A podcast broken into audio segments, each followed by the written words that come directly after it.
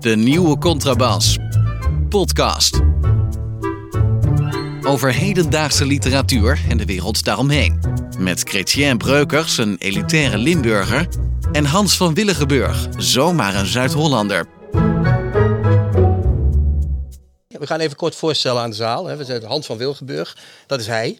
Dit is Erik Lindenburg, onze technicus. En eh, die zegt altijd of het goed is of niet. En dan moeten we het soms overdoen. Dus als dat vandaag is, sorry, dan wordt het een beetje langer. Mijn naam is Chrétien Breukers. We hebben vandaag drie gasten. David Pefko, Amy Koopman en Rob van Essen. Laten we dus maar snel beginnen, Hans. We beginnen altijd met een inleiding. Ja, Dan heb jij zo een briefje gezet. helemaal Daar vertel correct. ik dan iets over. Nou, kom maar op. Maar ik denk dat we eerst even met een klein eh, welkomstapplausje moeten beginnen. Ja, sorry, Dat het is, we het is al, geen radio nog- of televisie, Laat eens maar... even horen dat jullie er zijn. eh, Ja, ja kijk, dat is... Genoeg. Dit was voor literatuur genoeg. Zo is het goed. Uh, Voor, voor, voor, een, voor een niche-podcast is dit een geweldig eh, begin. Hè? Ja, we, ja, zijn maar is- voor, we zijn voor een klein, dat, voor zover we dat nog niet door hadden, heel selectief een klein publiek. Nou ja, vind het groot genoeg. Moet ik Oké, oké, oké, oké. Ehm, Hoe is het met je zenuwen? Want eh, we hebben, we hebben voor, voor de kenners, eh, we hebben hier één keer eerder opgenomen. Toen zei je, je aan het begin eh, ben ik, ga, ga ik dood van de zenuwen. Ja, ik vind het in het openbaar optreden altijd wel redelijk moeilijk. Moet ik eerlijk zeggen. Oké. Maar nu vandaag gaat het wel. Het voelt al een beetje alsof ik thuis kom hier. Oké, ja, dat is een goede, het gelijk, een goed begin. Want ik zat te denken, eh, de wereld wordt nooit meer hetzelfde sinds electoraal geograaf Josse de Voogd. Wie kent hem niet? Ik Eh, niet bijvoorbeeld. Ken je hem niet? Nee, nooit gehoord. Nee, hij heeft Nee. dus van de verkiezingsuitslag maakt hij dus een kaart en waar- hoe, hoe mensen stemmen. En eh, Amsterdam heeft een opmerkelijk ander profiel gekregen, zeker sinds de laatste verkiezingen, dan eh, de rest van Nederland. Wij, ko- wij komen uit de rest van Nederland. En mijn vraag aan jou is, Kretje, hoe veilig voel je je in, eh, in Amsterdam? Nou ja, zeg wel een vraag, Hans. Ehm, heel veilig. Ik voel me hier veilig en eh, ehm, op straat veilig. En, eh, maar hier vooral omdat Karel Helder er is. Dat is altijd wel een fijn eh, gevoel, vind ik. Toch? Ja, maar wij Ja. zijn natuurlijk in onze podcast heel vaak. We, eh, Ik begrijp het niet. Wat moet ik met, Ja, met- je zeg komt- eens komt even wat je bedoelt. Ja, kom, nou, je gaat het nog uitleggen. Oké. maar een veilige omgeving is toch niet goed voor literatuur? Dat is toch Oh, een, van, zo, de- een van oké. onze basisstellingen, Kretje. En da, ja, Dus met andere woorden, hè, in Amsterdam wordt zeg maar, kwa- kwantitatief heel veel literatuur geschreven. Maar het is een hele veilige omgeving. En dan zou het niet goed zijn, bedoel je? Nou ja. Ja, ik durf dat hier nu niet te zeggen, eerlijk gezegd. Ja.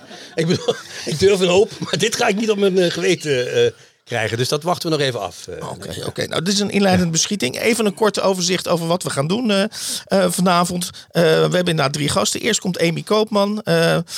Dan houden we een korte pauze. Dan gaan we door met Rob van Essen. En we sluiten af met David Pefko. Ja, dat is wat, hè? Ja.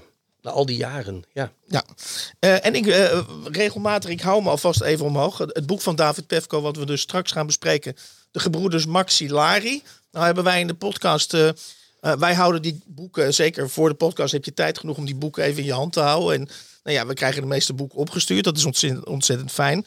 maar, er zijn heel vaak, maar er zijn heel veel boeken, ik weet niet hoe dat bij jou werkt, Kritje dat ik eh, van tevoren denk van, nou, dat ziet er al een beetje smoezelig uit. Heb ik eigenlijk al iets minder zin om te gaan lezen. Terwijl ik dit boek, alle credits voor Prometheus, dat heeft een mooie hardcover. Het, het slaat lekker open. En ik dacht bij mezelf, dit wordt dus ook nog gemaakt. eh, eh, en dat vond ik wel een grote troost. Nou, ik, ik, kan ik alleen maar ja-namen op zeggen, Hans. Ja, ik weet niet wat ik hier verder nog over moet zeggen. Maar dat is waar. Het ziet er prachtig uit. Dat is Ja. zo, ja, ja. Ja. Ik, sorry. ik wil best uit, iets zeggen, maar dan moet je mij een onderwerp geven. Waar ja. iets, eh, het Couperus, wat dacht je van het Couperus Museum? Heb je daar al eh, ja, dat- over dat- nagedacht? Want dat gaat afgeschaft worden, las ik. Of daar is Nou iets ja, mee aan de hand. Zoals vele, vele eh, goedwillende vrijwilligers een prachtig literair museum in de lucht willen houden, ook in Den Haag, eh, smeekt het eh Couperus Museum nu om 30.000 euro volgens Ja, mij. te- te belachelijk om, dat, om, dat, om dat museum in de lucht eh, te houden. En ehm, nou ja, dat dreigt dus te mislukken. Ja, ik, vind het, ja ik, ben, ik heb het zelf. Ik ben wel. eh, ik hou heel veel van literatuur. Sterker nog, literatuur is ongeveer mijn leven. Maar ik, heb, ik sta heel ambivalent tegenover al die schrijvershuizen. Mhm. Dan, waar je de stok van de vereerde meester kunt eh, bekijken. Of eh, het pak hangt daar. Of eh, Mhm. zijn nagelknipper of zoiets. En dat, dat is leuk, vind ik. Maar daar word je toch niet veel wijzer van meestal. En. Ik weet niet of jij wel eens in het Couperus Museum bent geweest. Nee, ik ben er nog niet Maar geweest. dat is echt een heel klein museum. En er hangt heel weinig wat nog met Couperus te maken Oké, heeft. dus je suggereert eigenlijk dat 30.000 euro om Nou, zo'n nee, nee, klein nee, museum... dat hoort u mij niet zeggen. Zo dan overvraag je, of niet? Nee, ik vind het op zich zou het heel. Het is natuurlijk belachelijk bedrag om daar moeilijk over te doen. Ik bedoel, eh, ik, eh, ja, ik ben niet rijk, maar ik zou zeggen van ik pas het zo. Als ik Marcel Boekhoorn was, paste ik het bij. Eh, maar dat ben ik niet. Ehm, maar het is, maar ja, ik, ik gun het ze van harte dat ze mogen doorgaan. En ik vind het belachelijk dat het op zo'n bedrag stuk zou lopen. Maar ik ga er niet graag heen.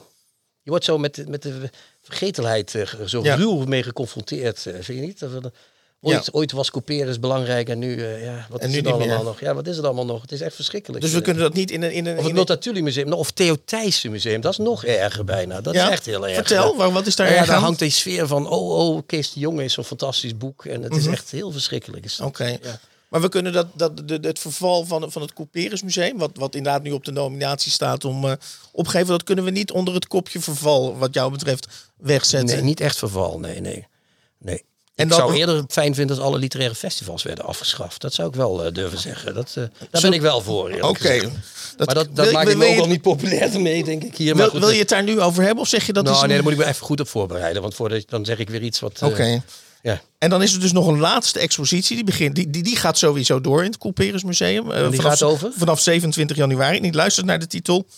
Eh ik luister, Couperus non-binair avant la lettre. Ja, prachtig. Ja, ja, ja. Ja, dat is mooi natuurlijk. Want dan is die dat... Ja, dan, dan, ze proberen hem de moderniteit in te trekken, denk Ja. ik, of zo. Ja. Dus ze, ze vragen 30.000 euro. Ze denken, hoe gaan we dat in godsnaam eh, voor elkaar krijgen? En Bij dan... je diversiteitspotje, denk ik Exact, dan. niet? exact, Eh, ja, exact, exact. Oké. Ja, ik gun het ze echt van, nogmaals van harte. Maar als je er dat allemaal moet bij gaan trekken, dan wordt het wel ingewikkeld. Ja. Eh, ja. Nog een ander literair onderwerp, biografieën. We hebben er recent eh, een aantal eh, besproken. Eh, er schijnt nu onderweg te zijn een meer dan duizend pagina's stellende biografie van Hugo Claus. Aha. En ik weet niet, er zitten hier ongetwijfeld in Amsterdam Volkskrant lezers. Eh, eh, Arno Grunberg schreef daar vanochtend over. Ik vond het echt... Wie is die biograaf? Weet je dat toevallig? Nee, dat? Is dat die... Oh, Max Schavers. Max. Schavers, oké. En eh, eh, Grunberg beschreef, dus die had waarschijnlijk met Max Schavers eh, gesproken. En die zei, Max Schavers zei tegen mij toen ik het manuscript van die biografie inleverde, was de grote vraag van de uitgever, leeft Hugo Claus? eh, of, Nee, die leeft nog... niet meer. Dat nee, is nou maar... net- dat is nou net het idee, zeg maar. Leeft, leeft hij nog, zeg maar, als auteur in Nederland? Is nou, hij dat nog denk ik ook niet. Hè. Wie leest er nog wel eens een boek van Hugo Claus? We kunnen het meteen hier... alle literaire mensen... Wie, handen omhoog voor Hugo Claus. Eén hand. Oké. Nou, hij leeft nog. Dus er is nog, er is nog één lezer over. Dus Ja. dat is in ieder geval goed. eh, ja. Eh, maar het lok- ontlokte Grunberg, eh, eh, we weten allemaal, die grossiert in, in, In one-liners. In one-liners. En hij dat zei, is het ieder- enige waar hij in grossiert ook. Hij bedoelt dood, dood of levend. Iedere zichzelf respecterende schrijver dient zich af te vragen of hij nog leeft in Nederland. Kom op, Hans. En als, het, weer. en als hij, hij sloot, als het antwoord nee luidt, dan is dit het behandelplan, dubbele punt. Probeer te leven in Liechtenstein. Ja, maar wat is dat? Ja, dat is weer zoiets, dat klinkt leuk, maar probeer het eens eventjes, al, draai het om. Mhm. Leef je niet meer in Liechtenstein, probeer dan in Nederland te leven. Het staat er precies hetzelfde. Het betekent niks, maar het klinkt leuk. Dat Oké. geef ik toe. Maar Ja, is- dat vind ik nou weer flauw. Ik verdedig de literatuur altijd tegen Arno Gunberg. Dus, en, ook, en ook Hugo Claus dus. en, en, en de biografie van Hugo Claus. En Ja. de biograaf op de koop toe. En ik hoop dat Claus een museum krijgt ook. Oké, gaan we afronden wat de intro betreft. Eh, vraag aan jou. Eh, filosofie, is dat de vriend of uiteindelijk de? Als je moet kiezen, is dat filosofie de vriend Wat heb je de, vandaag? Of de, Jij dacht van kom, eh, we gaan eens even... ja, we gooien er iets groots in. We halen hem eens uit zijn comfortzone. Zeg maar. ja. Nou, ik, ik zal zeggen waar het vandaan komt, die vraag. Ik zei, eh, we, we zijn soms kritisch op elkaar. We maken soms elkaar ook complimenten. Jij zei op een gegeven moment... Soms, Heel soms. Maar je zei tegen mij, ik zeg op een gegeven moment... heb je van die stellige schrijvers met een bepaalde filosofie... en dan zwemt de werkelijkheid... die, die hebben zo'n vaststaand begrippenapparaat... die werkelijkheid zwemt als het ware zo dat begrippenapparaat in... en dan hebben ze gewoon ook een nieuw boek. Als je begrijpt wat ik bedoel. Nou, zei nog niet je helemaal, maar dat komt wel. Dat komt En toen zei jij tegen mij, eh, van, nou, dat vind ik mooi. Dus dat, die werkelijkheid die dat begrippenapparaat inzwemt. Ja, Maar- op die manier. Ja, ik begrijp, we hadden het daar al over, ja. En eh, mijn ja. vraag is dus, is die filosofie dus inderdaad eh, eh, uiteindelijk een vriend of een vijand van de literatuur? Dat is wel een zware vraag. Dat is meer iets voor Gunberg, denk ik. Eh, maar eh, eh, ik denk dat alles wat goed wordt toegepast... Of ja, goed. Alles wat je het kunt toepassen zodat het ten gunste van je boek komt... is een vriend van, de, van, van je boek. Dus, dus daarmee samenhangend ook van de literatuur. Ja. Maar ja, als het dat niet is. Ik, ik heb ook heel veel filosofische romans gelezen waarvan ik dacht, nou, eh, ik kan wel een onsje minder eh, met dat wereldbeeld. Misschien zit er ook een klein, eh, voor mij een hoekje in. Ik heb ooit geprobeerd met Rob Wijnberg Oh te ja, praten. maar dat is geen literatuur. En, en, dan, dan, en Rob Wijnberg kijkt dan die kant op en dan probeer je mee te bewegen en dan probeer je iets tegen hem te zeggen. En dan heb je het idee, hij weet het allemaal al. Eh, hij heeft dat hele begrippenapparaat eh, al klaar liggen. En zo, eigenlijk zijn twee volgende drie boeken liggen ook al in zijn hoofd Ja, oké, maar opgeslagen. schrijvers die het zeker weten, dat zijn de saaiste schrijvers natuurlijk. Toch, of niet? Ja, dat vind, ik wel, niet? Ja, vind ik wel een mooie zo? Ja. slot eh. Oké, Doe hem er nog maar één keer in. Schrijvers die het zeker weten? dat zijn de slechtste, de saaiste schrijvers in ieder geval.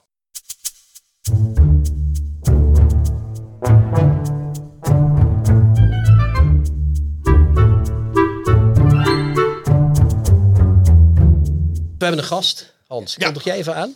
Ja, vriend van de show, vriendin, van, de show, vriendin van de show, Amy Koopman. En zij eh, kwam onlangs uit, het zal, eh, maar dat gaan we zo vragen, wat dat eh, voor project was. Eh, het kwam in ieder geval onlangs uit en het heet Kindertrein uit Budapest. Mag ik uw applaus voor Amy Koopman? Ja.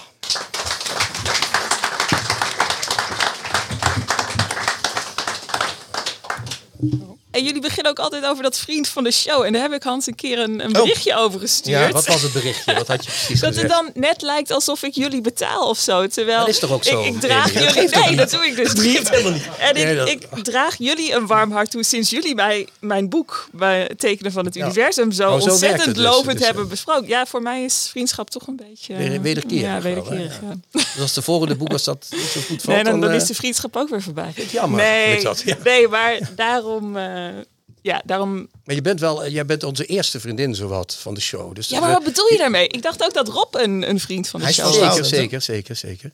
Maar jij was een van de eerste mensen die, ja, ik weet niet, dat, had, dat hing zo boven de show. Jij hing zo boven de show de hele tijd. We hadden de hele tijd over jou ook. Iedere, af, iedere voorbespreking ging over jou ongeveer, de helft van de tijd. Ja, nee, dat merkte ik ja, ook. ja, ja, ja, dat is Ik- zo, ik ja. voelde Toch, me Hans, wel niet? heel, Nee, Hans eh, kijkt alsof het niet waar is, maar zo is welkom, waar, maar- hoor, ja. Lichte overdrijving. maar- Ja, dat is een overdrijving, dat weet ik wel. Maar goed. Eh, dus dus eh, ja, wij vinden jou echt, de, als we het zouden moeten hebben, de vriendin of vriend van de show. Dan ben jij dat, zeg maar. Dus dat, eh, maar daar houden we erover op, want anders dan Ja, nee, zitten maar we een uur over nu ik vriendschap. weet wat je ermee bedoelt, eh, Ja. Doet het me goed. nu? Doet het Ja. me goed. ja. Oké. Hans, Ja. haak in. Eh, wij hebben het, dat, dat kunnen we, die, die ballon kunnen we alvast leeg laten lopen. Ik heb het met heel veel plezier gelezen. Ja, dus we eh, nog even goed tussen ook? ons. Ja, Ja. blijft goed. Oh, gelukkig. Het is een heel mooi boekje, maar we gaan nu even Kunnen we straks nog een Alleen de eerste, eerste gewetensvraag die ik aan je heb is... Hè, het is van een formaat dat ik dacht, toch onwillekeurig dacht... hoe mooi ik het ook vond... eh, is het toch eh, een tussendoortje geweest Maar voor... dat is het ook. Het is, heb je Het het gezien? Het reeks, is hè? de, Ja. ja. de Ja. spoorslagreeks is Wat is het. dat toch met reeksen trouwens? Iedereen heeft Ja. ineens reeks. Is dat iets nieuws of zo? Ja, dat weet, Wat, volgens willen mij... schrijvers geen gewone boeken meer schrijven? Alleen nog maar voor reeksjes. eh. Ik denk dat uitgeverijen hopen dat dat dan bij de kassa's ligt. Deze ligt nu op een paar plekken ook bij de kassa's, maar ik weet niet of dat ook maar iets doet voor de verkoop. Ik geloof dat Van Oorschot met de wandelreeks dat dat wel goed liep. Ja. Ehm, Je hebt maar de ja, kleurenreeks van Oevers nu. Hebt de, de wandelreeks van Van Oorschot. Je Ja, hebt, Das Mag doet van alles. dat mag heeft de, jaar, eh, de, de jaren, maanden. maandenreeks. Ja, En dan nu de sporenslagreeks van Ambulantos. ja, maar ik vind dit wel, nou ja, ik de- zou niet aan elke reeks meedoen, maar ik vind treinreizen vind ik wel. Welke reeks zou je niet aan meedoen dan? zeg maar even. Nou, roep jij er een en zeg ik of ik ga mee. de wandelreeks. Ja, maar die is er al. Oh, een nieuwe reeks. Ja, ik moet ik een nieuwe reeks verzinnen. Ja, ik wil wel wandelen op zich. Ja, het is ook, ik wilde ook heel graag die geschiedenis van mijn oma uit Budapest uitzoeken. Ja, en die kindertreingeschiedenis. Dus toen Ambo Antos vroeg, hey, heb je een Iets trein... met spoor. Ja. Heb je iets met het spoor? Ja, Maar hoe pak je dat aan? Want je, zegt, je, je, Ja, want bevestigt, je bevestigt eigenlijk wat ik... Ik dacht eigenlijk, misschien gaat ze wel een contramine als ik zeg dat het een tussendoortje is. Maar Nee, het is een zegt- je tussendoortje, bevestigt dat ja. onmiddellijk. En dat roept bij mij de vraag op, hoe pak je als schrijver een tussendoortje aan? Want ja, het punt is dat je, je wilt natuurlijk nooit eh, dat het... Dat als ik het lees, denk van, nou, dat lijkt me een tussendoortje. ja. Nou ja, als, het, als er op staat eh, spoorslag, een treinreizenreeks... dan vind ik het helemaal niet erg Mhm. dat mensen denken... oh, een tussendoortje. Het is ook goedkoper natuurlijk dan een... Maar eh je hebt het natuurlijk, neem ik aan, eh, een tussendoortje heeft toch iets van... Ik deed het er even vluchtig tussendoor. En dat heb je volgens mij, tenminste ik heb dat er niet uitgelezen. Eh, Nee, ik heb er ook best lang over gedaan. Mijn plan was, oké, eh, tussendoortje, essay, 10.000 woorden. Het is iets langer geworden ook. Ehm 12.000 of zo. ik doe het in een maand. En dat is me niet gelukt in een maand. Ik denk dat ik er drie, vier maanden uiteindelijk over heb gedaan. Ehm, en er ook wel, wel heel erg intens mee bezig ben geweest. En dus ook naar Budapest natuurlijk ben gegaan. Ehm, ik had dit niet liggen. Ik heb Ja. het wel helemaal hiervoor gemaakt. Dat was Ja. wel een onderwerp waar je al mee bezig was. Want even een stapje Nee, terug. dus nog niet echt. Nog niet echt, maar nee, het is wel een onderwerp uit jouw familiegeschiedenis. Ja. Eh, Je moet je even misschien vertellen. Het, is, het gaat over je oma. Ja. Uit Hongarije naar Nederland gekomen ooit. Ja. Met het idee om terug te gaan, als ik het goed gelezen heb. Nee, nou ja, Nee? met het idee, het was niet haar, nou, misschien was het ook haar idee om terug te gaan, maar zij was een kind. Ja. Ehm, en het was een hulpactie, een samenwerking tussen Hongarije en, En die kindjes Nederland. moesten in Nederland opknappen en die zouden dan weer naar de Ja, familie teruggaan. Ja. Het idee was, je blijft er iets van drie maanden, hooguit een half jaar. Ja. Het was tussen de twee wereldoorlogen. Hongarije was een van de verliezers van die oorlog. Ehm, Ja. Van de Eerste Wereldoorlog. De Tweede trouwens ook. Ehm, en dat land lag in puin. Er was een, ja, een, een diplomaat in Hongarije die ook eh, protestants was. En die had dus connecties met protestanten in eh, Nederland. En die heeft dat opgezet. En de Hongaren, de Hongaarse diplomaten zaten daar ook heel erg om te springen dat er zo'n soort actie zou komen. Want dat maakt die betrekkingen ook weer goed tussen die Ja. twee landen. Dus Via de kinderen, als ja, en er is hele interessante, heel interessant propagandamateriaal uit die tijd. Eh, enerzijds van de kerk, want na de protestanten gingen de katholieken ook meedoen. Ja, want dat was natuurlijk, want dat kunnen ze niet over zich heen laten gaan. nee, natuurlijk. precies. Nee, die zijn echt snel daarop Ja, eh, gevolgd. heel Ja, goed. mijn oma was ook katholiek, dus die is met een eh, katholiek eh, transport dan, dan meegegaan. Ehm, dus enerzijds vanuit de kerk, dat ze allemaal beelden hebben van een Jezus die dan lief lacht terwijl daar kinderen worden ontvangen. En om de, om de Nederlanders te bewegen om, eh, om die kinderen vooral kinderen op, te, nemen, vangen. Ja. Ja, maar ook in Hongarije dat er heel veel beelden zijn van dankbaarheid naar eh, de koningin. Terwijl die daar Onze niet zo heel veel... Ja, ja, onze Mhm. koningin. Ja, ja, ja. Wilhelmina dus, of wat? Ja. Ja.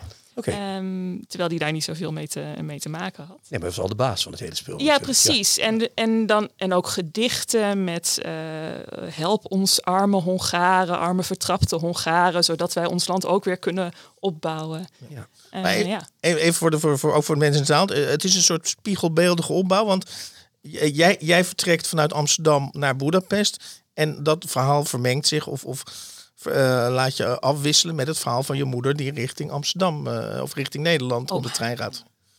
Oma. ja. Oma, sorry. sorry. Ja. Ja. Geeft niks. maar het, ja, het is interessant, want ik, ehm, ik, ik heb wel. eh, er is een congresbundel over die kindertreinen. Er zijn mensen, vooral Hongaarse mensen, die zich daar heel erg mee bezighouden met die kindertreinen. Maar ik heb nergens, had nergens nog gezien wat dan de, de route was. Dus ik heb een meneer van het. Oh, het heeft zo'n goede naam. Mag ik heel even opzoeken wat Ja. de naam is van, van die vereniging? Want dat was echt. Ja, chef Jansen van de Nederlandse Vereniging van Belangstellenden in het spoor- en tramwegwezen. Ja, kijk, dat is een mooie vereniging. Ja, ja, ja. Geweldig. ja. Eh, chef heb ik dus gecontacteerd en die heeft voor mij uitgezocht wat de route was. En ook gevonden dat de route die normale treinen tussen de wereldoorlogen reden heel anders was dan die kindertreinen. Die kregen echt een aparte trein met kindjes en dan... Ja, en dat Ja, ja. waren echt verouderde treinen. Dat waren echt de treinen die, die eerst voor militairen eh, waren gebruikt. Oh, dus die Ehm, waren wat Spartaanser qua Die waren zeker Spartaanse. Ik denk dat ze in de loop van de jaren Mhm. wel, wel wat eh, beter zijn ingericht. Eh, maar als je verhalen leest een over de Ikea-kleedje en een... eh, ja. Nee, Nee, dat nog niet. Nee. nee. Dus, Dat is de Duitse kindertreinen, zeg maar. Dat niet. Nee. Ik weet niet of je het kent, maar je hebt in Duitsland die mooie ruimtes waar je met kinderen kunt zitten. Dat Oh, is echt helemaal net een ja, soort maar die speeltuin. treinen rijden nou helemaal niet meer in Duitsland. Nee, dus, dat is eh, waar. Dus dan heb je er ook niks aan. Nee.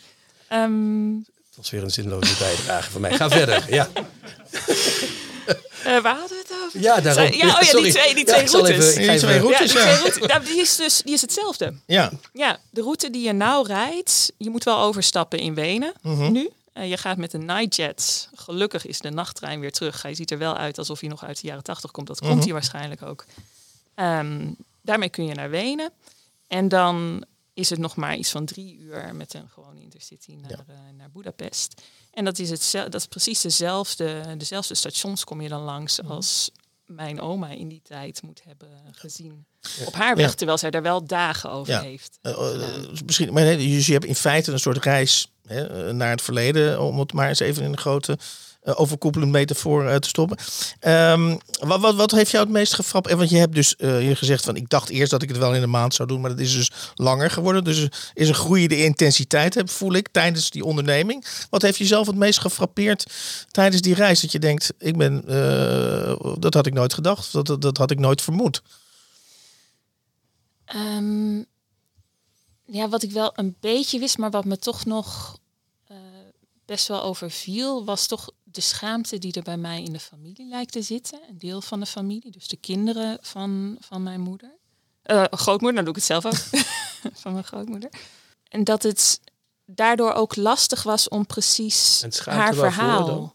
Eh, voordat het waarschijnlijk, maar dat weet, weten ze ook niet helemaal zeker, dat het een arm gezin was. Ja, zo. ze is uit met zo'n trein Dat beschrijf je ook, ja. ja, ja. meegegaan. Ja. Ehm, dus dat, dat een paar ooms best wel moeilijk deden over waar ze nou gewoond had in Budapest. En dat ik een beetje paranoia werd van... Ja, want dat is niet helemaal, waar- dat moet je echt nou? uitzoeken. Hè? Dat is heel moeilijk om dat te vinden. Dat beschrijf je ook heel mooi.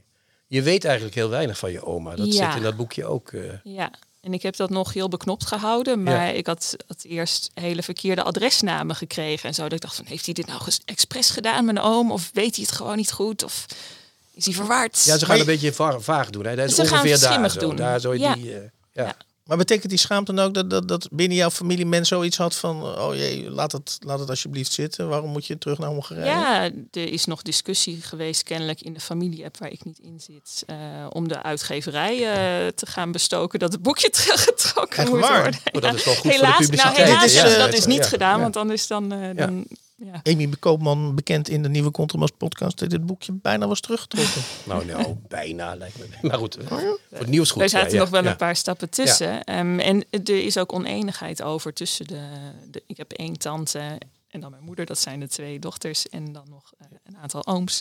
Er is ook oneenigheid. Sommigen waarderen het wel heel erg. ehm, hebben mij dat ook laten bent dus- weten. Je bent dus nooit echt met dat verleden opgegroeid. Of juist wel. Of juist met het zwijgen over dat verleden. Ja, met snippers. Ja, precies. Ja, ik wist dat ik een Hongaarse oma had. Maar niet hoe dat Eh, precies allemaal sprak zat. nooit Hongaars. Nee. En volgens mijn moeder ehm, sprak ze heel veel Hongaars toen de eh, Hongaren uit 56, 56, ja. kwamen. En die ontving ze dan in de salon, daar was ze heel blij mee. Eh, dus er was kennelijk nog wel... Zij stond er heel dubbel in. En dat vond ik denk ik het interessantst ook om te merken... in het uitzoeken hiervan. Eh, bijvoorbeeld dat ze oorbelletjes van haar, eh, van haar vader dan weer had Ja. gekregen. Die ze nooit heeft uitgedaan. Dat, dat wist ik nog niet. Nee. En, en ook dat er met die vader iets, iets aan de hand lijkt. Dat die misschien, omdat nou ja, mijn, mijn grootmoeder is gebleven in Nederland, omdat haar moeder overleed in de tijd dat zij in Nederland was. Ja.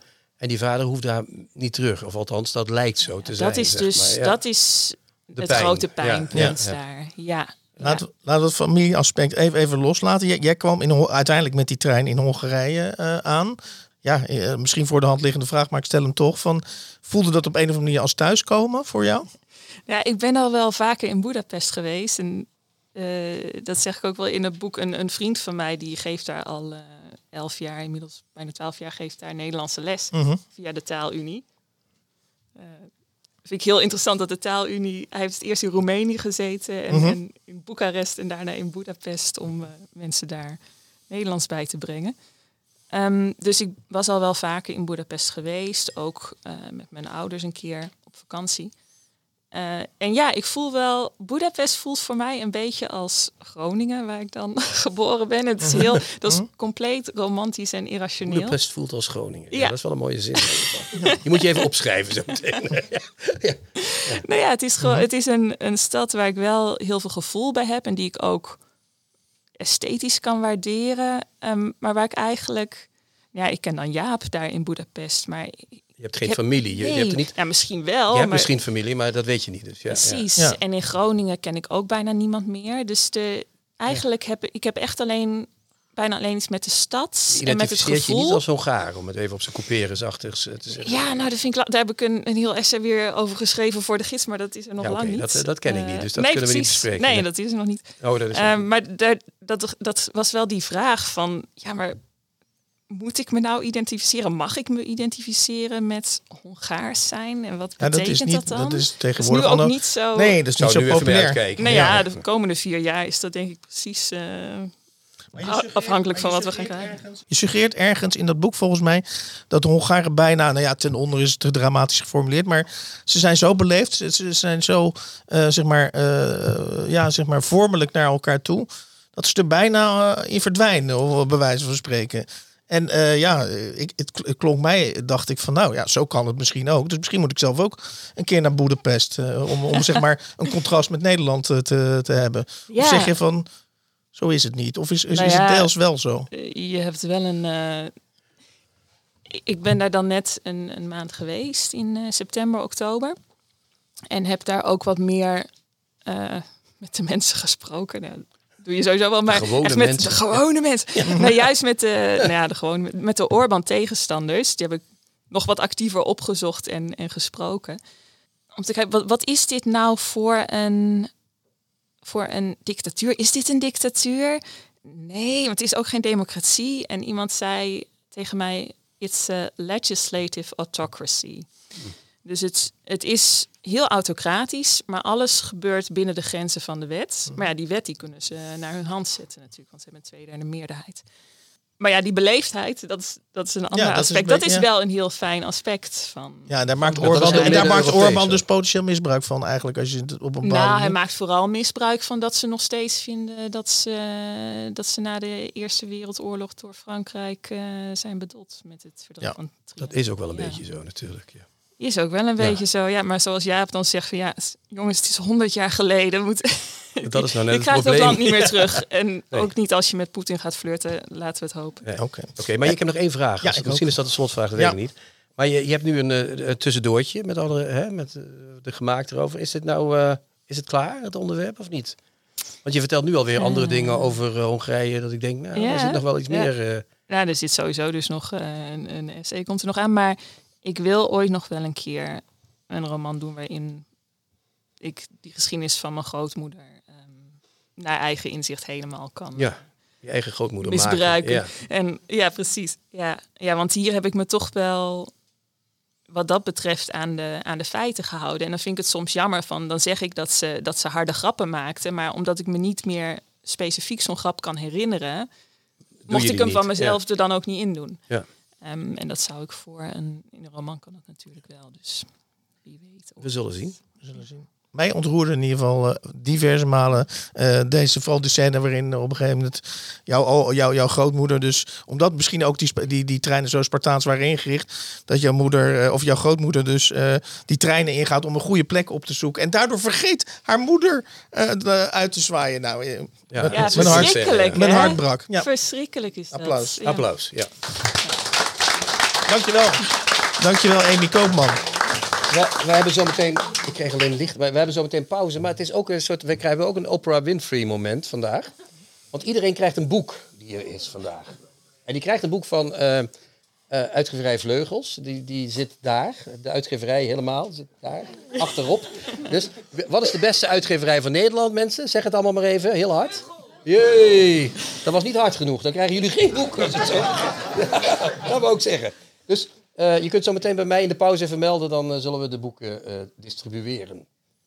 En dan over tien minuten zijn we terug. Tien minuten, Tot zo. ja. Muziek.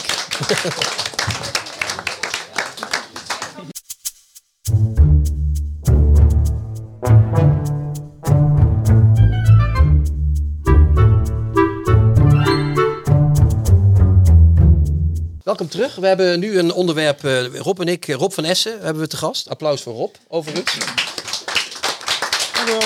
Dankjewel. Eh, Rob en ik hebben een eh, eh, tweepersoons leesclub eh, eh, eh, voor het werk eh, betreffende, of hoe noem je dat? Met als thema het werk van Simon Vestdijk. We hebben nu al nou, 12 of 13 keer iets eh, gedaan. Dit zal de 13e of 14e keer zijn. Ik heb eigenlijk geen Ik idee. reken het allemaal nog een keer na. Ja. Eh, vandaag gaan we een boek, we hebben we een boek gelezen dat heet Het Verboden Baggernaal.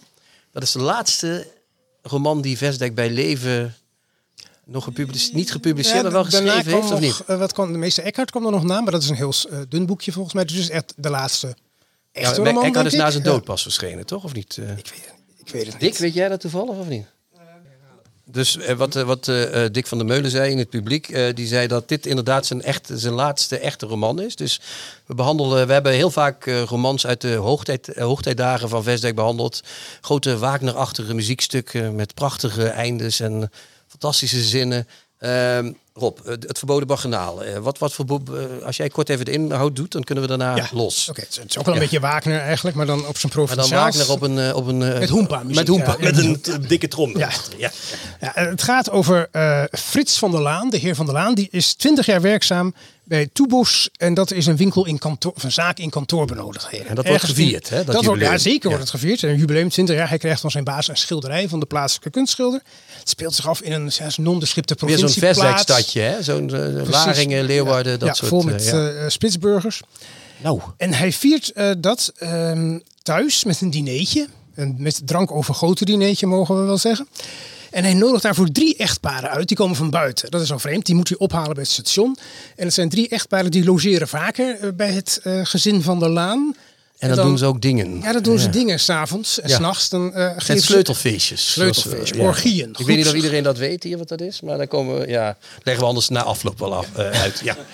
Ja, ze gaan tekeer, uh, groepseks, triootjes, van ja, maar ook op ze een daar. hele burgerlijke manier, als je dat mag zeggen. Zo'n hele ranzige, Ja, een beetje... Er moet ook flink wat drank in gegoten Ja, voordat worden. ze voordat- durven, Voordat, ja. ze, voordat ze durven. Ehm, maar goed, hij haalt die mensen dus van het station voor zijn eh 20-jarig jubileumfeestje. En dan zegt hij tegen ze, ja, vanavond gaat het niet door.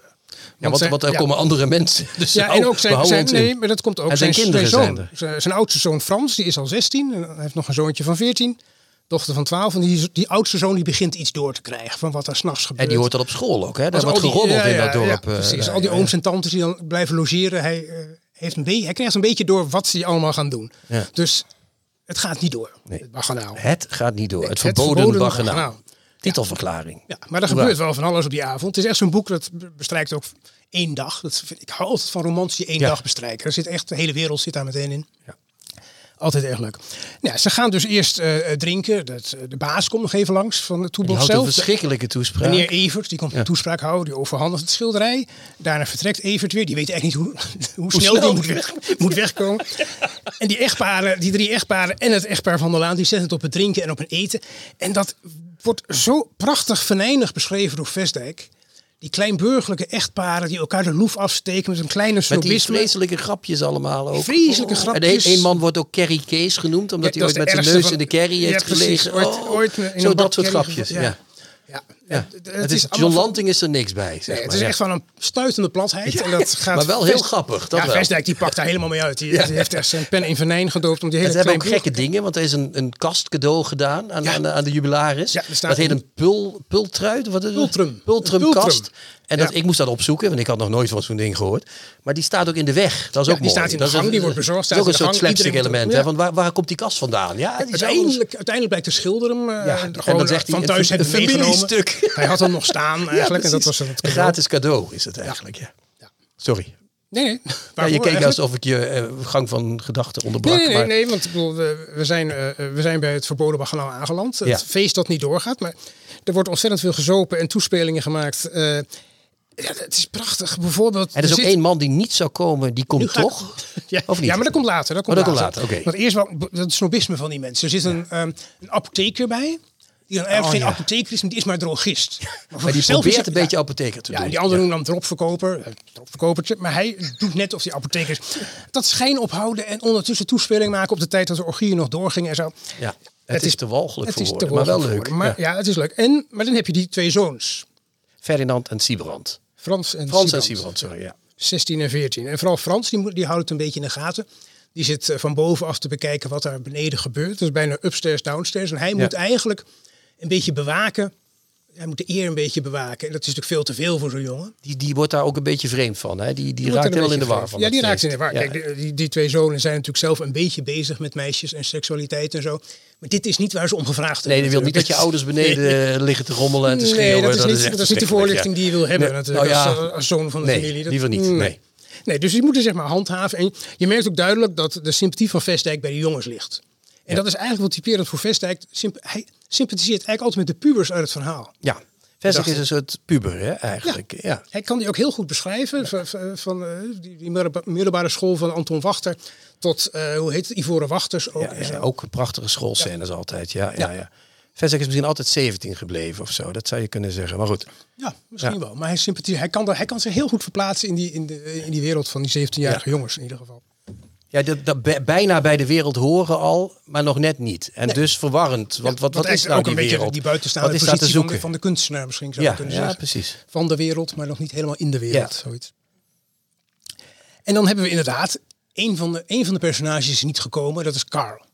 Carl, eh, dat- die is de gemeentesecretaris. Blijkt achteraf ook weer dubieus zijn of die dat nou echt is of niet. Ja, want hij is al iets op het Hij gemeentehuis, maar wat de hij nou gemeente. is, Ja, dat weet misschien ook is hij hè? portier, Nee. weet je wel. Dat weet, Ja. dat weet je ook niet. Maar Nee. hij doet alsof hij gemeentesecretaris is. En dat is een En hij de, de, is de, de eigenlijk- leider van de PEC, hè? Precies, de maar dat is, dat, is, Wolfpack, dat ja. is interessant, want hij is eigenlijk inderdaad de man die het begonnen is. Hij kent Frits van der Laan ook van vroeger. In studententijd hebben ze blijkbaar ook al van alles Ja, er wordt ook een beetje nudge, nudge, wink, wink gedaan, hè? we hebben van alles uitgevreten. Ja. En ehm hij, Carl die komt dan uiteindelijk wel. Eerst meldt hij zich af omdat hij ziek is. Maar ah, hij komt dan wel een paar uur later. zijn vrienden toch, hè? Precies, ja. hij kan niet wegblijven. Hij, hij mag niet drinken van de dokter. Hij drinkt dus maar één, twee, drie glaasjes. Misschien twee flessen, Ja, ja. precies.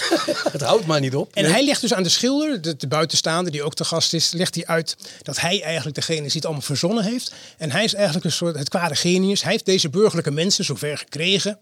Dat ze Dat- over dat- hun grenzen heen, over over, hun schaduw heen stappen, om het in Precies. metafoor van deze week eh, te, te, te vatten. Ja, toch precies. politiek Ja, zie je ja, wel? ja. Kan het wel, ja. Ja. Ja. En hij is eigenlijk, dat, dat maakt hem eigenlijk de interessantste figuur uit het, uit het boek. Hij is een beetje een satanisch, diabolisch iemand. Maar toch ook weer burgerlijk, gek Toch ook weer- dus een ja, satanische speelt- burgerman. Ja, maar het is net alsof hij een soort sociaal experiment met die nog burgerlijke mensen uithaalt. Dat maakt Ja. het interessant. En dat vond, ik, dat vond ik wel eigenlijk jammer dat die man niet meer uit de verf kwam in dit boek. Want daar zou je dan toch wel iets Ja. meer van willen weten. Vestdijk is altijd heel goed met duiveltjes en satanische eh, persoonlijkheden. En Meneer zo. Vissers Helvaart. eh, Vissers ja. Hellevaart, eh, de kelner en de en de levende, levende, eh, ja. moderne Antonius. En Oh zo. ja. Dus, dus dat vond ik eigenlijk het enige gebrek van dit boek. Ik vind het eigenlijk een geweldige Vestdijk, maar dit, dat vond ik een beetje een gebrek. Ik had meer over die Karl willen Maar is het niet zo dat... Mijn theorie is hier dat die Karl, eh, die speelt wel een rol. Mhm. Maar het boek gaat volgens mij eigenlijk over iets anders. Het is een afscheidsboek, volgens mij. Niet alleen omdat het zijn laatste roman is. Nou, het is een afscheidsboek in die zin dat die eh, eh, mensen die hebben... Het, het heet niet voor niks het verboden baganaal. Dus het is iets wat niet meer mag. Mhm. Eh, die mensen moeten daar niet alleen letterlijk mee ophouden. Maar voor die kinderen, die, die Sibrand en die Frans, hè, die kinderen, die twee eh, kindjes... Die mogen daar ook niet bij zijn. Dat is ook een verboden baganaal voor hun die, die staan op, op de grens van, van volwassenheid. Dus die hebben nog, er is nog iets verboden waar ze niet naartoe mogen, maar waar ze naartoe willen. En waar, zit, dan, waar zit het afscheid? De, de, de, daar kom ik zo meteen op. Dat verzin ik zo meteen als ik nog even een ander ding. Verzin- als ik even een ander ding Ja, vertel ja, nog. want er zit nog iets anders wat verboden is in het boek. En dat hebben we nog niet besproken. Ze hebben ook een zusje, Gerry. Ja. En dat zusje, er wordt gesuggereerd dat die Karl daar een keer met zijn fikken aangezeten Ja, gesuggereerd. eh, eh, Dat is niet mevrouw helemaal- van der Aan heeft hem ooit uit de Uit slaapkamer, de slaapkamer Wat, meisje kom jij, geplukt. wat doe jij daar nu? Ja, Dat wordt, maar dat wordt niet helemaal duidelijk of dat echt gebeurd is volgens mij. Of is dat Nou, toch? ja, het wordt niet duidelijk wat hij gedaan heeft in die Oké, slaapkamer. maar hij is er wel geweest. Hij is er wel geweest, en, ja. en die Frans, die, die oudste zoon, die 16-jarige, die is ook de hele tijd in de gaten aan het houden. Of die Karl niet weer naar boven komt. Want dat is ook een verboden baganaal natuurlijk. Hè? Dat is niet alleen het baganaal wat zich beneden afspeelt. En het baganaal wat zich boven afspeelt, waar die tegen is. Maar dat is eh, waar, waar die bang voor is. Maar ook voor dat hij aan zijn zusje zit. Of aan de dienstmeid trouwens, die er ook nog een rol in speelt. Eh, maar dat laten we nu even zitten, want anders wordt het echt heel laat. Maar voordat het... eh, ik, ik wacht nog op het afscheid. het afscheid maar- komt ja. eraan, Oké, komt eraan. oké, oké. Hij werkt daar naartoe. Ik Ja. denk dat. Vestdijk eh, dit boek eh, eh, schreef. eh, bijna als. eh, je hebt die film van eh, Visconti. eh Götterdämmerung in het eh Duits. De Damned. De Damned. Eh, daarin heb je een slotscène van 15 minuten dat een man, een oude eh, baron of zoiets, die is op een bal. En je ziet alleen maar dat bal. Er wordt alleen maar door dat bal gewandeld. En die man die overziet zijn leven. En ik denk dat Vestdijk in dit boek zijn thema's bekeken heeft. Dus eh, altijd een beetje die rare provinciale dingen, die pubers, dat duivelse. Dus al die mensen, hij heeft een soort heel luchtig spel met al zijn thema's gespeeld. Daar kijkt hij nog één keer in rond. En eh, het is niet alleen een verboden baggernaal, maar ook een baggernaal waar die afscheid van neemt, zoals die mensen ook doen. Ja, maar Vind je dat ik het nu te veel in, eh, Mm, psychologiseer? Ja, want bedoel, kijk, als Vestdijk, nog ja. zes jaar was blijven leven, had hij nog twaalf romans geschreven. Dat weten we En niet, dan, Hans. Of, eh, eh, eh, sorry, Rob, ben jij? Eh, ja, het is, het is moeilijk. Het is, geluid, het is geluid zonder beeld, dus dat is lastig. Ja, dat begrijp ik ook wel. Nee, Voor de mensen thuis. Dit was tegen Rob. ja. Dus ik, ik, ik weet niet of het een bewust afscheid van Vestdijk is. Ik heb Het zo'n gevoel dat het. Ik kreeg vooral die laatste hoofdstukken. Want dat jongetje wordt daar, die zit daar steeds naar beneden te kijken. Die zit te wachten tot ze weggaan eigenlijk. Dus dat is ook zo'n afscheidsscène van ga weg, ga weg, weet je wel, verdwijn. Eh, Mhm. hij zit ook steeds op dat zusje te letten. Eh, Op het laatst komt die Karl in de, in, in, in, in de kamer van die eh, dienster, Ja. van die huishoudster. Er gebeurt ook niks. Er kan iets gebeuren, maar er gebeurt niks. Dus alles wordt niet gedaan. Het is allemaal weg, weg, weg Ja, dat is en aan het verdwijnen. Maar dat is wel typisch voor de late Vestdijk. We hebben er een aantal behandeld. Ja. De late Vestdijk zijn eigenlijk alle Vestdijks uit de jaren 60, denk ik. Daar gebeurt eigenlijk niks en er is van alles aan de hand. We hebben bijvoorbeeld eh, de hotelier doet niet meer mee, hebben we gedaan. Daar zitten mensen in Grenoble te wachten of Op een opstand die niet komt, ja. Of, of Napoleon ooit nog terugkomt van zijn eiland. Die komt niet en zeker niet naar Grenoble. Nee. En dus eigenlijk Hij kijkt wel uit. Ja, ja, hij kijkt wel uit. wat anders te doen. Ja, Hij moest in die film van Ridley Scott eh, ja spelen, precies, daarom. Ja. maar dus er gebeurt helemaal niets. En in Alpenroman wordt heel veel gewandeld zonder dat er ook heel, eh, heel veel niet gebeurt. Ja. Terwijl er maar daar worden wel relaties aangeknoopt natuurlijk. Ja, en weer afgeknoopt. En weer afgeknoopt. afgeknoopt. Dus, Dat is wel heel vies, Hij- hè? Ja, goed. Oké. dus hij beschrijft in zijn, eh, in zijn laatste roman... Hij is echt helemaal los in zijn laatste roman, denk ik wel eens. Hij, kan, hij hoeft niet Onthecht meer. Niet los, maar onthecht, ja. En in dit boek, ik ben het wel met je eens, hij, eh, je ziet... eh, als je het vergelijkt bijvoorbeeld met de hotelier, doet niet meer mee, is dit veel krachtiger. En veel filijner. En grappiger Hij, ook, hij heeft er echt heel veel plezier in gehad om die, om die mensen te beschrijven in al hun kleinheid. Ik las ergens eh, dat eh, dit gebaseerd was op een feest wat hij ooit als Kind. zelf had meegemaakt. Of had hij iets te veel gezien van een feest bij zijn ouders. En dat dit, eindelijk kon hij dit schrijven nu iedereen dood was. ja, het is wel bij Vestdijk vaak zo dat hij vanuit hele krachtige beelden schrijft. Hè? Ja. En beelden ook die hem vaak al heel lang eh, met hem meegaan. Dat vind ik heel sterk van, van Ja, ja, het is een Dat beelden schrijven. En hij is ook altijd heel goed in laatste scènes. En Ja. ook in deze scène. Ook dit weer is het echt Iedereen is naar huis, naar het hotel. En Carl, ja. die loopt nog, Carl zwerft nog door het huis. Die gaat eerst misschien naar de kamer van het dochtertje. Dan gaat hij naar de zolder waar het dienstmeisje slaapt. Er gebeurt niks, maar er zit een ontzettend veel spanning. En, En die dan- zoon en die- Frans houdt het allemaal in de gaten. Want die moet eigenlijk het huis verdedigen. En dan Ja, toch nog even mijn afscheidsmetafoor, als ik toch nog even mag. Eh, Nou, ten afscheid dan. Ja. Het, het, het- ten af, we zijn bijna zover, of niet? Eh, maar eh, het, het, het- de, gewoon de laatste alinea, hè, of de laatste alinea's. eh, Dan gaat hij weg uit, dat, uit die kamer van die huishoudster en dan zegt hij, ik ben, niet- dan zegt die Corrie nog, ik ben niet zo gauw bang. Nee, dat is wel gebleken, zei Karl Ventener. Dat is dus die di- diabolische figuur. Het meisjeskamertje met een laatste blik omvattend, waarna hij zich zonder een woord terugtrok. De deur sloot hij achter zich en zo daalde hij de luid krakende zoldertrap af. Van dat kraken trok hij zich weinig aan. Het was ook strikt onvermijdelijk. Kraakte het hele huis niet. Van boven tot onder. Ja. Dus alles staat op, op instorten daar. maar is weg aan het gaan. Jawel, maar ik moet zeggen, die laatste zin is er te veel aan. Vind je dat, ja? Ja, dat is zo Oh, symbolisch. dat vind ik nou net een geweldige Kraakt zin. het hele huis niet van boven tot onder. Dat, staat zo, dat is te symbolisch voor Ja? het hele boek. Ja, het is een- Te zo'n symbo- huis- wanneer ja, is iets te symbolisch? Ja, als het Ehm, deze zin is. Oké, maar wat nog meer? Wat, wat is te symbolisch? Eh, omdat hier het kraken eh, eh, is, dat wordt heel maar dat is nergens, nergens komt die metafoor voor. Dit is ineens, pats, geeft hij nog zo'n slinger aan dat... Nee, kijk, als hij was geëindigd met van dat kraken trok hij zich weinig aan. Het was dan ook strikt onvermijdelijk. Net genoeg, net genoeg. Ja? Onvermijdelijk, daar zit ook al het symbolisch van het hele huishouden in. Als je daar nog eens overheen gaat, denk je, ja, dat is net... ben ik toch meer de detail. en jij meer de... Ja, toch de rekkelijke en de precieze zitten hier. eh, toch, misschien, eh? misschien. Ja, ja, ja. Maar er wordt altijd gezegd, eh, ook Kees Fans... wat is trouwens een goed argument om het een goed boek te vinden... maar Kees Fans vond het een slecht boek. Ja, Ben, Eh, Benlef ook. En Bernhef ook. Nou, Ja. dat is een dubbel argument om het een goed boek te vinden. er wordt altijd gezegd, de laatste boeken van Versdijk zijn niet, zo, niet je dat. Maar dit is toch... Dit kan ik toch geen... Als dit nu verschijnt, is het meteen... Nou, dat is misschien een slechte Dat weet ik niet, maar- Of het dan een sensatie is, oké. maar het is wel een geweldig boek. Dat Het is, een echt een geweldig fantastisch boek. Ja, het is een van de betere vestdijks Ja. die ik gelezen heb tot nu toe. Ja, het is echt een van de betere. Oké. Ja, Ja. ik, ik, ik, ik was echt. eh, ik had het nooit gelezen. Ik was echt eh eh, stupefait. Was dat? om het maar eens even burgerlijk te zeggen. Geheel in sfeer van het boek. Dus ik zou zeggen, allemaal aan de Vestdijk, mensen, toch? Dat sowieso. Dat sowieso. Dankjewel, Rob.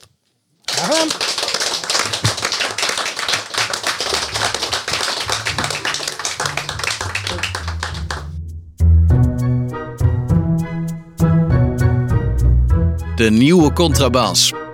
Podcast. Mag u applaus voor David Pefko? Ja. Oh, dat is- Lekker krap hier. Nou, dat kan je twee kanten op zeggen. Ja, dat Ja. bedoel ik. Met ons eh, geza- al- gezamenlijke BMI. Je zei grappig van tevoren, dit wordt de BMI-aflevering. ja, Ja, ja, ja. We maken het cijfer na afloop bekend. Ja. Of liever niet. Ja. Of eigenlijk ook maar niet. Nee, precies. Ja, sorry. O- Onze gesprekken maken hopelijk een eh, heel spontane indruk. Maar ze worden wel degelijk, eh, om dat maar even te ontkrachten, ze worden wel degelijk ook eh, enigszins voorbereid. En zo hadden Chrétien en ik het gisteren dus over het gesprek met jou, met, met jou David. En we hadden het over de eerste vraag aan jou. En uiteindelijk kwamen we uit. We hebben David Pefko een aantal jaren. Wat Zeven jaar om precies te zijn. We hebben, we hebben David Pefko zeven jaar gemist. Waar zat hij? Waarom was hij er niet? Why? Waar was je al die tijd, Waar jochie? was ik? Ik, Ja. zat, eh, ik zat gewoon lekker thuis, eerlijk gezegd. Met een, eh, met een zoontje van nu acht. Je gaat me toch niet vertellen dat je daarom zeven jaar niet geschreven Nee, hebt? nee, of wel? nee, Want dat is- niet. Dit gaan we toch niet doen, hè? Dit gaan we niet doen. Ja, oké, dan is het goed. Ja. Nee, dat, eh, ik, ik, had, eh, ik had geen zin. Zo simpel is het. Ik had geen bedankt, zin. David Ja, Pefko. Ja. tot de volgende keer. Hey, geen zin om te schrijven, serieus. Even, ja. Nou, ik, nee, heel eerlijk, ik had geen zin om te schrijven. Daar komt het op neer. ja, oké, ja, dat Ja. kan. Kan. En ik las een interview met je in het Parool en je zei daarin, en zeker eh, nu vind ik dat wel leuk om te vragen omdat we in Amsterdam zitten. Je zei van, eh, er zijn spelen al zoveel boeken in Amsterdam. Eigenlijk had ik de ambitie om eens een boek eh, niet in Amsterdam eh, te laten spelen. Maar uiteindelijk is het dus een, een boek, eh, zou ik bijna zeggen, dat bij uitstek in Amsterdam speelt. Eigenlijk mijn eerste wat, wat zich echt in Ja, Amsterdam precies, afspeelt. ja. Ja, dat Ja. klopt. Dus Ja. wat was het moment of wat was de overweging om te zeggen, nou ja, fuck die ambitie om het niet in Amsterdam te laten spelen. Ik ga het gewoon wel doen. Ehm, eigenlijk omdat de, eh, dit boek toch een boek was wat ik heel graag wilde maken ooit. En dat ik dacht, dit is het moment. En helaas eh, speelt zich dat dan in Amsterdam af. Daar komt het op neer. Ik ben geboren in Amsterdam. En dat komt er hoe dan ook een keer van, natuurlijk.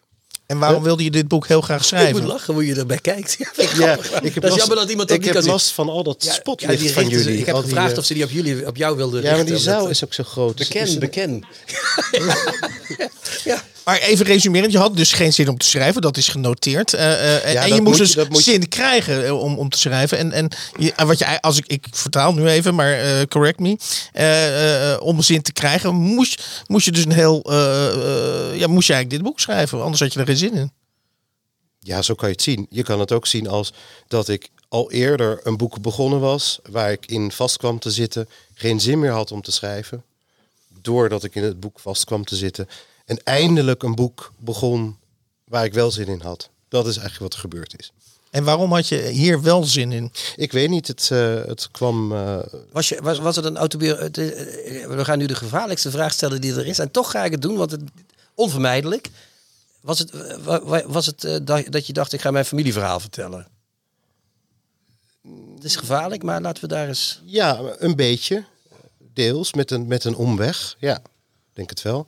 Het het is een een- autobiografische roman. Het een gaat, het gaat over een, twee jongens die opgroeien in eh, Amsterdam, dus hè, in Zuid. Maar weliswaar een arm stukje Zuid, of in ieder geval in een arm huis in Zuid. eigenlijk een, een, een heel chic eh, deel van Amsterdam-Zuid en een heel arm gezin. Ja. Daar komt het op neer. Het gezin bestaat uit twee jongens en één moeder. En met die broertjes, die broer, gebroeders Maxillari, daar gebeurt iets mee. Ja. Enfin, we hoeven niet alles weg te geven wat in het eh, boek gebeurt. Maar dat is dus...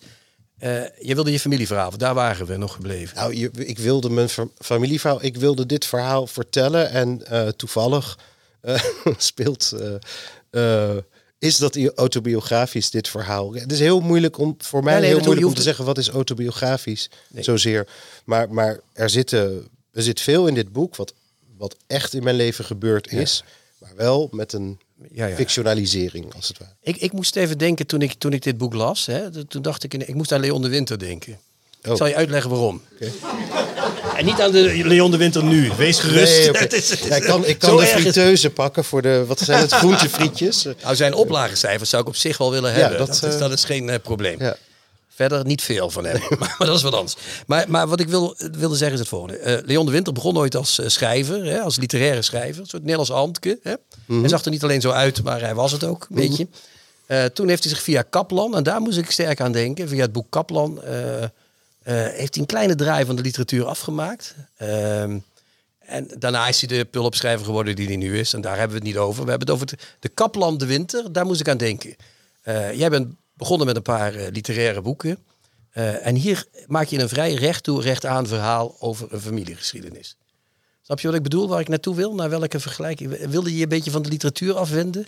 Nee, eigenlijk niet. En Nee, ik vind het nou eh, ook, het klinkt me ook vreemd, want ik, ik vind het niet een. het, ik, het voelt voor mij niet alsof ik een familiegeschiedenis heb neergepend, als het ware. Het is gewoon een, een roman. En nee, ik, eh, ik zie niet veel in die vergelijking, maar als jij dat zo ziet, Chrétien, dan, Ja. dan mag dat. Ik dacht echt dat je hier een soort draaipunt eh, gemaakt had. Maar volgens Eh, mij bedoel jij, Chrétien, eh, dat zei het tenminste gisteren. Misschien zeg je dat nu wat eh, eh, Onvloerst. onvloerst. Hij zei, eh, en, dat, en want ik heb ook al jouw vorige boek met heel veel plezier gelezen, is dat dit meer plot gedreven is. Dus Ja. dat dit wat strakker is. En eh, met, meer, meer met een blik van, ik ga jullie door dit boek, eh, eh, zeg maar. Ik hoor juist van veel mensen dat het plot extreem laat in het boek Mhm. zich openbaart, als het ware. En dat, dat je je daar eerst doorheen zou, zou moeten worstelen. Wat Mhm. precies de bedoeling was van dit boek. Eh, maar het is wel zo dat het qua taal eh, anders is dan de andere boeken. Dat is Ja. waar. Het is Ja. wat, eh, wat soberder, wat stiller op een, een of andere manier. Ja, het, is, het zijn meer beelden dan vroeger. Het is, zijn minder, het zit wel vol dialogen, waar ik van hou, ook om ze te schrijven. Dus dat zit er allemaal nog in. Maar het is soberder. En merkte je dat bij het schrijven ook? Van, hé, hey, ik ben eh, iets anders aan het schrijven dan eerst? Nee, Nee, oké. dit voelde, voelde precies... Ja, ik was alweer helemaal vergeten hoe het was om een boek te maken. Ja, dat dus is ook wel grappig. Dat is heel raar. Vooral als er dan inderdaad dus eh, als ja- jaren tussen zit, dan, dan vergeet je hoe dat is. eh, Het schrijven en dan alles wat er dan plotseling daarna gebeurt met een uitgever en zo. En dat het er dan ook echt ligt. Dus dat, ehm, dat was ik helemaal vergeten. Maar het voelt niet anders dan een, eh, een ander boek. Maar de taal is, ja, zou je kunnen zeggen, sober. En is het nu zo, na, nadat je dit boek hebt afgerond, eh, dat je eh, zegt van nou, het zou zomaar wel eens weer acht jaar kunnen eh, duren voordat ik mijn volgende boek. Eh, Ik heb ooit de- voorrecht gehad om Wellebeck te interviewen. Die ontkende in alle toonaarden dat hij een carrière eh, had. Hij zei: Ik wacht gewoon tot ik een goed idee heb. En als ik een goed idee heb, en dat kan, dat kunnen er twee in een jaar zijn, maar dat kan ook twee jaar eh, niet, niet, niet, niet gebeuren. Dus dat, hè, dat is heel onregelmatig. Hoe groot acht jij de kans dat we weer over acht jaar hier zitten en zeggen: Why? Denken jullie echt dat we hier over acht jaar nog zitten, Hans? Ja, nee. eh, eh, Nou, waarom niet? Nee, eh, waarom niet David? eigenlijk? ja, precies. Ja, ja. eigenlijk heel onaardig van mij. ja, ja, precies. Ehm, maar nee, de kans acht ik klein, omdat ik eh, wel degelijk een, eh, een, een, een kleine start ook heb gemaakt met weer een nieuw boek. Want ik kwam er wel achter na al die jaren dat ik het heel erg gemist had om dagelijks te schrijven. En daar dagelijks met een verhaal of een roman bezig te zijn. Ja. Ja. Dus ik denk dat dat niet lang duurt, maar het zou wel eens twee jaar kunnen duren. Nou ja, wat ik in ieder geval heel goed vond, maar dat, misschien is dat niet de bedoeling van dit, maar in ieder geval wat ik zelf erg goed vond in het boek, is dat jij, hoewel het dus in Amsterdam speelt, eh, je eigenlijk het andere kant van Amsterdam toch laat zien. Ook door, door de beschrijving van je eigen. Hè? Dus inderdaad Zuid, maar dan niet het geëikte eh, Zuid. Eh, en ik weet niet of je daar echt bewust, maar dat je dat milieu waarin je bent opgegroeid, ik vind dat je dat heel beeldend en heel, heel overbrengt. En toch ook die, die, die standsverschillen. Ik heb me laten influisteren door Chrétien dat je in de, in de klas hebt gezeten met Thomas Heerma van Vos, die we hier de vorige keer Nee, ik mochten. heb bij, bij Daan Heerma van Vos. Oh, met. Daan Heerma Maar van, mijn, van mijn Vos. broertje bij Thomas. Ja. ja klopt. Ja. Ja, en, dat, en, en, en eh, overdrijf ik als ik zeg dat dat toch twee werelden, verschillende werelden zijn, eh, waarin jullie opgroeiden, hoewel jullie op dezelfde school eh, Ja, zaten. ja, nee, zeker. Dat is een heel goed voorbeeld van die twee werelden, inderdaad. Ik had dat in vertrouwen verteld, maar dat maakt niet uit. Dat komt altijd. Nee, dat, dat zul je altijd zien. Maar mag ik, mag ik één detail over hoe verschillen die werelden dan? Eh, of zeg je van, Nou, de, de, is eigenlijk heel simpel. De, de een is rijk, de ander is arm. Mhm. En dan ben je daar eigenlijk al. Wij waren, wij waren Jullie waren arm, begrijp ik eruit. eh, Ja, en, en Want de de, anderen waren zijn veel, rijk. maar niet arm. Nee. Nee, maar wij waren echt arm en, en de anderen waren rijk of redelijk rijk. Ja. Ja. Nog even over dat plot. Eh, we hebben natuurlijk de klassieke moelies die, die, die dingen uittekent en, en zeg maar van A naar B naar C naar D gaat. Eh, dat plot dat erin zit, eh, heb jij dat ook een soort van uitgetekend? Of ben jij een schrijver die, die, die zit in een flow en die zegt nou daar kom ik wel uit? Dit, dit boek is, is helemaal uitgetekend. Eh, ehm, ik, zo, zo maak ik elk boek. En ik weet precies wel waar ik heen wil. Dus dat, ik, dat is waarom het ook waarschijnlijk eh, soms wel en soms niet lukt. Ehm, ik, eh, ik weet hoe het begint en ik weet hoe het eindigt. In het begin. Soms verandert er iets. In dit boek is er, is er eh, weinig veranderd. eigenlijk. Ja. Nou wist ik natuurlijk al een tijdje dat je in deze po- podcast zou komen op 29 november. Dus ik zat eigenlijk uit te kijken naar de eerste recensie over de gebroeders Maxillari. ja. En ik zie nog maar niks verschijnen. Ik heb een, eh, een, of er is iets geks met mijn boeken, de afgelopen paar boeken. Bij mij verschijnen eerst alle recensies in België. En dat is ook nu alweer gebeurd. En dan eh, na anderhalve maand na het verschijnen, soms een maand, Ja. soms anderhalve maand, dan komen ze allemaal in Nederland. En wat is de verklaring? Ik heb geen idee. Ik vind het heel mysterieus. Waarschijnlijk mogen ze hem niet. Of, eh, en denken ze na een tijdje, nou ja, laten we dat dan toch maar doen. Zoiets. Ja. Ben je nog, want je was natuurlijk ook een tijdje, eh, toen je nog in, in je eerste actieve fase, zal ik maar zeggen.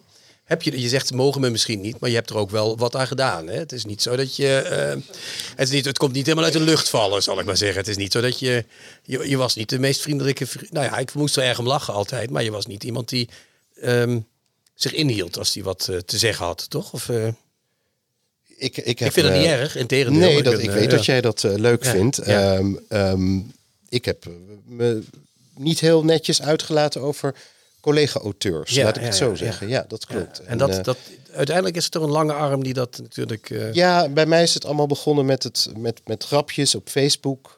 Ik had fictieve personages op Facebook. En daarin kon ik behoorlijk eh, aan het schelden gaan. Ja. En, en, en daar waren ze snel achter dat ik dat dan was. En toen ben ik dat... Ja, hoe kwam dat toch? Ja, ja, heel gek. Als je het zelf zegt, ja. Dan is ja, het nee, moeilijk. ik heb het uiteindelijk. Het was de hele tijd was dat gewoon geheim ook hoor. Maar dat, dat kwam dan uit. En eh, eh, ja, daarna. tijd twee weken ongeveer. Ja. Nee, het heeft heel Ja, lang geduurd. wel, ja? ik denk dat jij er toen nog niet bij was. Nee, dat zou kunnen. Want... Maar eh, daarna ben ik toch wel als, als autonoom persoon ook. eh, Ja, je bent autonoom geworden. Wat fijn. ja, dat is heel fijn. Als bij, ik ben als autonoom persoon ben ik mensen ja, belachelijk gaan maken. Dat klopt. Dat is weer een andere tak van sport natuurlijk dan als je je achter een eh, fictief personage. ja, eh, en het is niet fraai. Het is niet fraai. Nee, vind je dat niet fraai? Nee. nee, ik, ik, ik zou bijna zeggen, als ik bij de NPO in dienst was, dan zou ik nu vragen: eh, David, heb je er spijt van?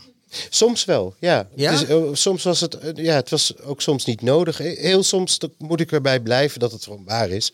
Met sommige dingen, die, die, die, ik zou dat ook nooit terugnemen, eh, zozeer. Maar om het nou te noemen allemaal... Maar je, toen, je bent toen in die podcast van, ja, nu we zouden het er niet over hebben, maar je bent toen in die podcast van Michael Lielma geweest. Mhm, ja. Daar ben je drie uur lang Ja. te, tekeer gegaan, zeg maar. Nou, ik dat- vond het vermakelijk, daar gaat het niet om. Het, het, was Maar- maar, het was maar eh, effectief een half uur eh, dat, dat, eh, dat mij eh, allerlei eh, ja, dingen zijn ontlokt, als het ware.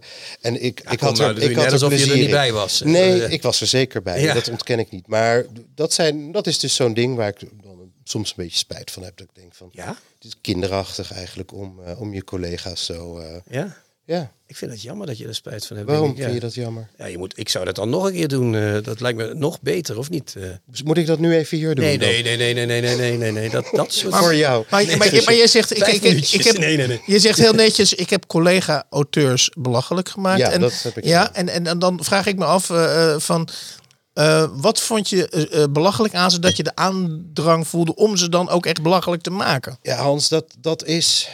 Ja, dat kan hij niet zeggen zonder te gaan zeggen wat Dan hij kan wil zeggen. Dan kan ik Dan het kan je niet toch heel zeggen. netjes, ja. ja, ja, inmiddels. Maar dan ga je me de- dus toch dat ontlokken, wat, ik, wat ik zelf eh, een beetje eh, probeerde stop te zetten. Mhm, Eh, maar er zijn natuurlijk in de literaire wereld een heleboel hele verschrikkelijke mensen. Mhm, En Maar dat is toch heel netjes, dat zeg je dat toch zeg heel ik netjes. Dat is ook in alle werelden zijn verschrikkelijke Ja, en mensen, ik dus vond dat is niet erg. heel leuk, zo nu en dan, om dat eens aan te kaarten. Omdat het altijd maar één rechtlijnig geluid was. Namelijk van, die is zo fantastisch, die is zo talentvol. En ik vond het dan soms leuk om te zeggen...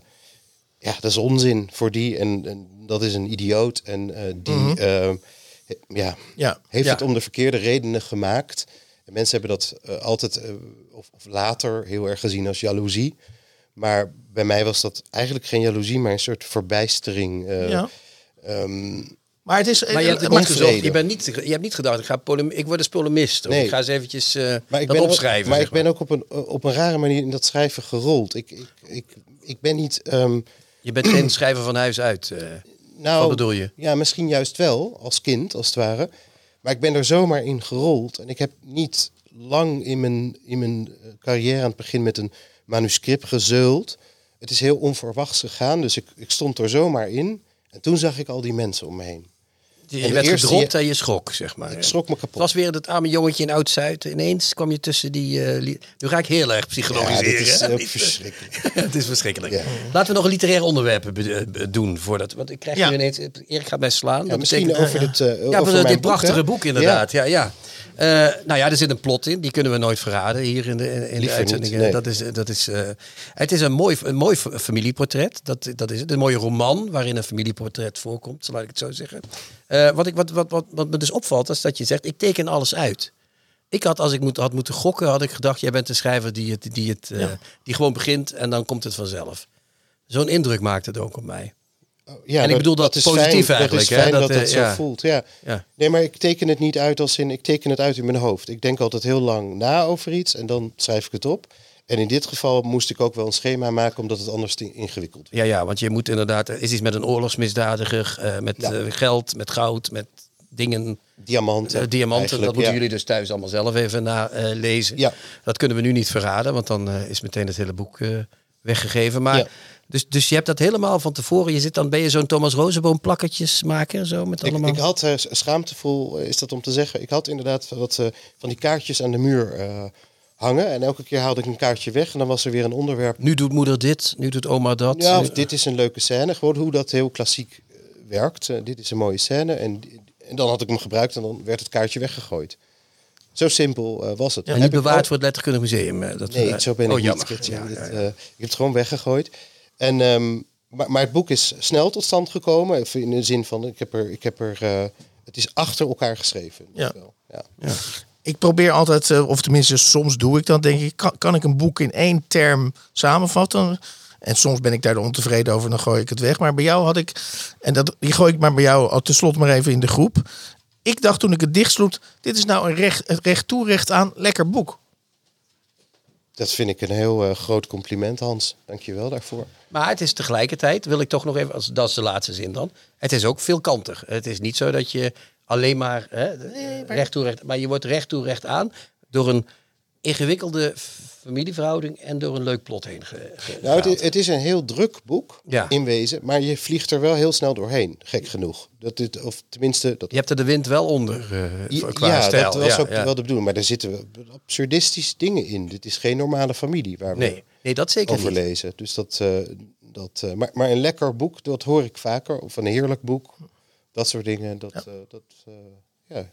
Ja, recht toe, recht aan bedoel ik niet de compositie, maar dat ik het idee had dat ik recht doorheen ging gewoon als lezer. ja, Nou, het speelt zich ook nog in een hele korte tijd af. Dus het is heel simpel. Het begint bij een, een zomervakantie en het eindigt als de zomervakantie weer voorbij is. Dus, Oké. Nou, wat mij betreft, eh ik weet niet of jij in kan vinden, Kritje.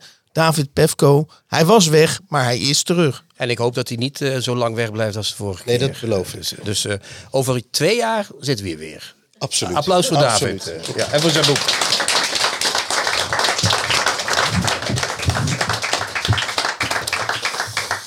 Oké. Kritje, eh, voel je je al wat vertrouwder bij dit tweede optreden? Ja, ik vind het heel fijn, vond ik. Ik vond het echt fantastisch vandaag. Ja. Oké, nou hartstikke goed. Mooie boeken, fijne inleiding, al snapte ik hem zelf niet. En eh, mooie bespreking van eh, Vestdijk, eh, prachtig. Ja, iedereen in vorm. Wat wil je nog meer? Heel fijn publiek, fluistert Erik mij in. Fijn publiek, dank u wel. Hans was ook goed vandaag. Ja. Zijn we nu klaar met complimentjes? Ja, Of, eh, we gaan even zeggen wat we besproken hebben. We, hadden de, we hebben dus besproken in volgorde Amy Koopman met haar, ja, hoe moeten we dat noemen? Korte memoir Kindertrein uit Boeba, Budapest. Een tussendoortje inderdaad. eh. Uitgegeven bij Ambo Antos in de reeks Spoorslag. En toen hadden we dus een bespreking van Vestdijk, hè? van eh, Het Verboden Baganaal. Verschenen in 1969 uitgebreide bezig bij. Oké.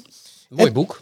En tot slot ontvingen we de eh, van weg geweest David Pevko met zijn splinternieuwe roman De Gebroeders Maxillari. Niet alleen een heel lekker en heerlijk boek, maar ook heel lekker uitgegeven, vind Ja. ik. Eh, en dat is verschenen bij Prometheus in 2023. Nou, eh, we gaan het zien of we ook in 2024 eh, in, dit, in deze prachtige omgeving, hè, vanuit PVV-land zou ik bijna zeggen, toch nog even een vleugje politiek erin. Vanuit PVV-land terug naar de, de basis van GL-PVDA nog meer optredens gaan verzorgen. Dank voor uw komst. In ieder geval, het smaakt wat ons betreft naar meer. En Ja. wie weet tot ziens. Ja, dankjewel.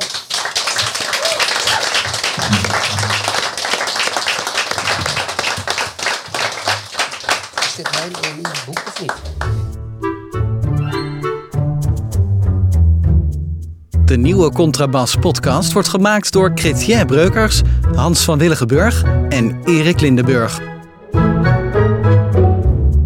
Kijk jij ook elke week uit naar de nieuwe Contrabas podcast? Voeg dan de daad bij het woord en word officieel supporter. Dat kan al vanaf 1 euro per week, oftewel 52 euro per jaar. Draag je ons een heel warm hart toe, dan kun je ook Golden Supporter worden voor 104 euro en Platinum Supporter voor 208 euro per jaar. En wat krijg je daarvoor terug? Dan luister je met nog meer plezier naar ons uitgesproken geluid wekelijks over literatuur. En wat je ook geeft, ga naar gofundme.denieuwecontrabas.blog. Nog één keer? gofundme.denieuwecontrabas.blog. Hup, hup, hup. Hup.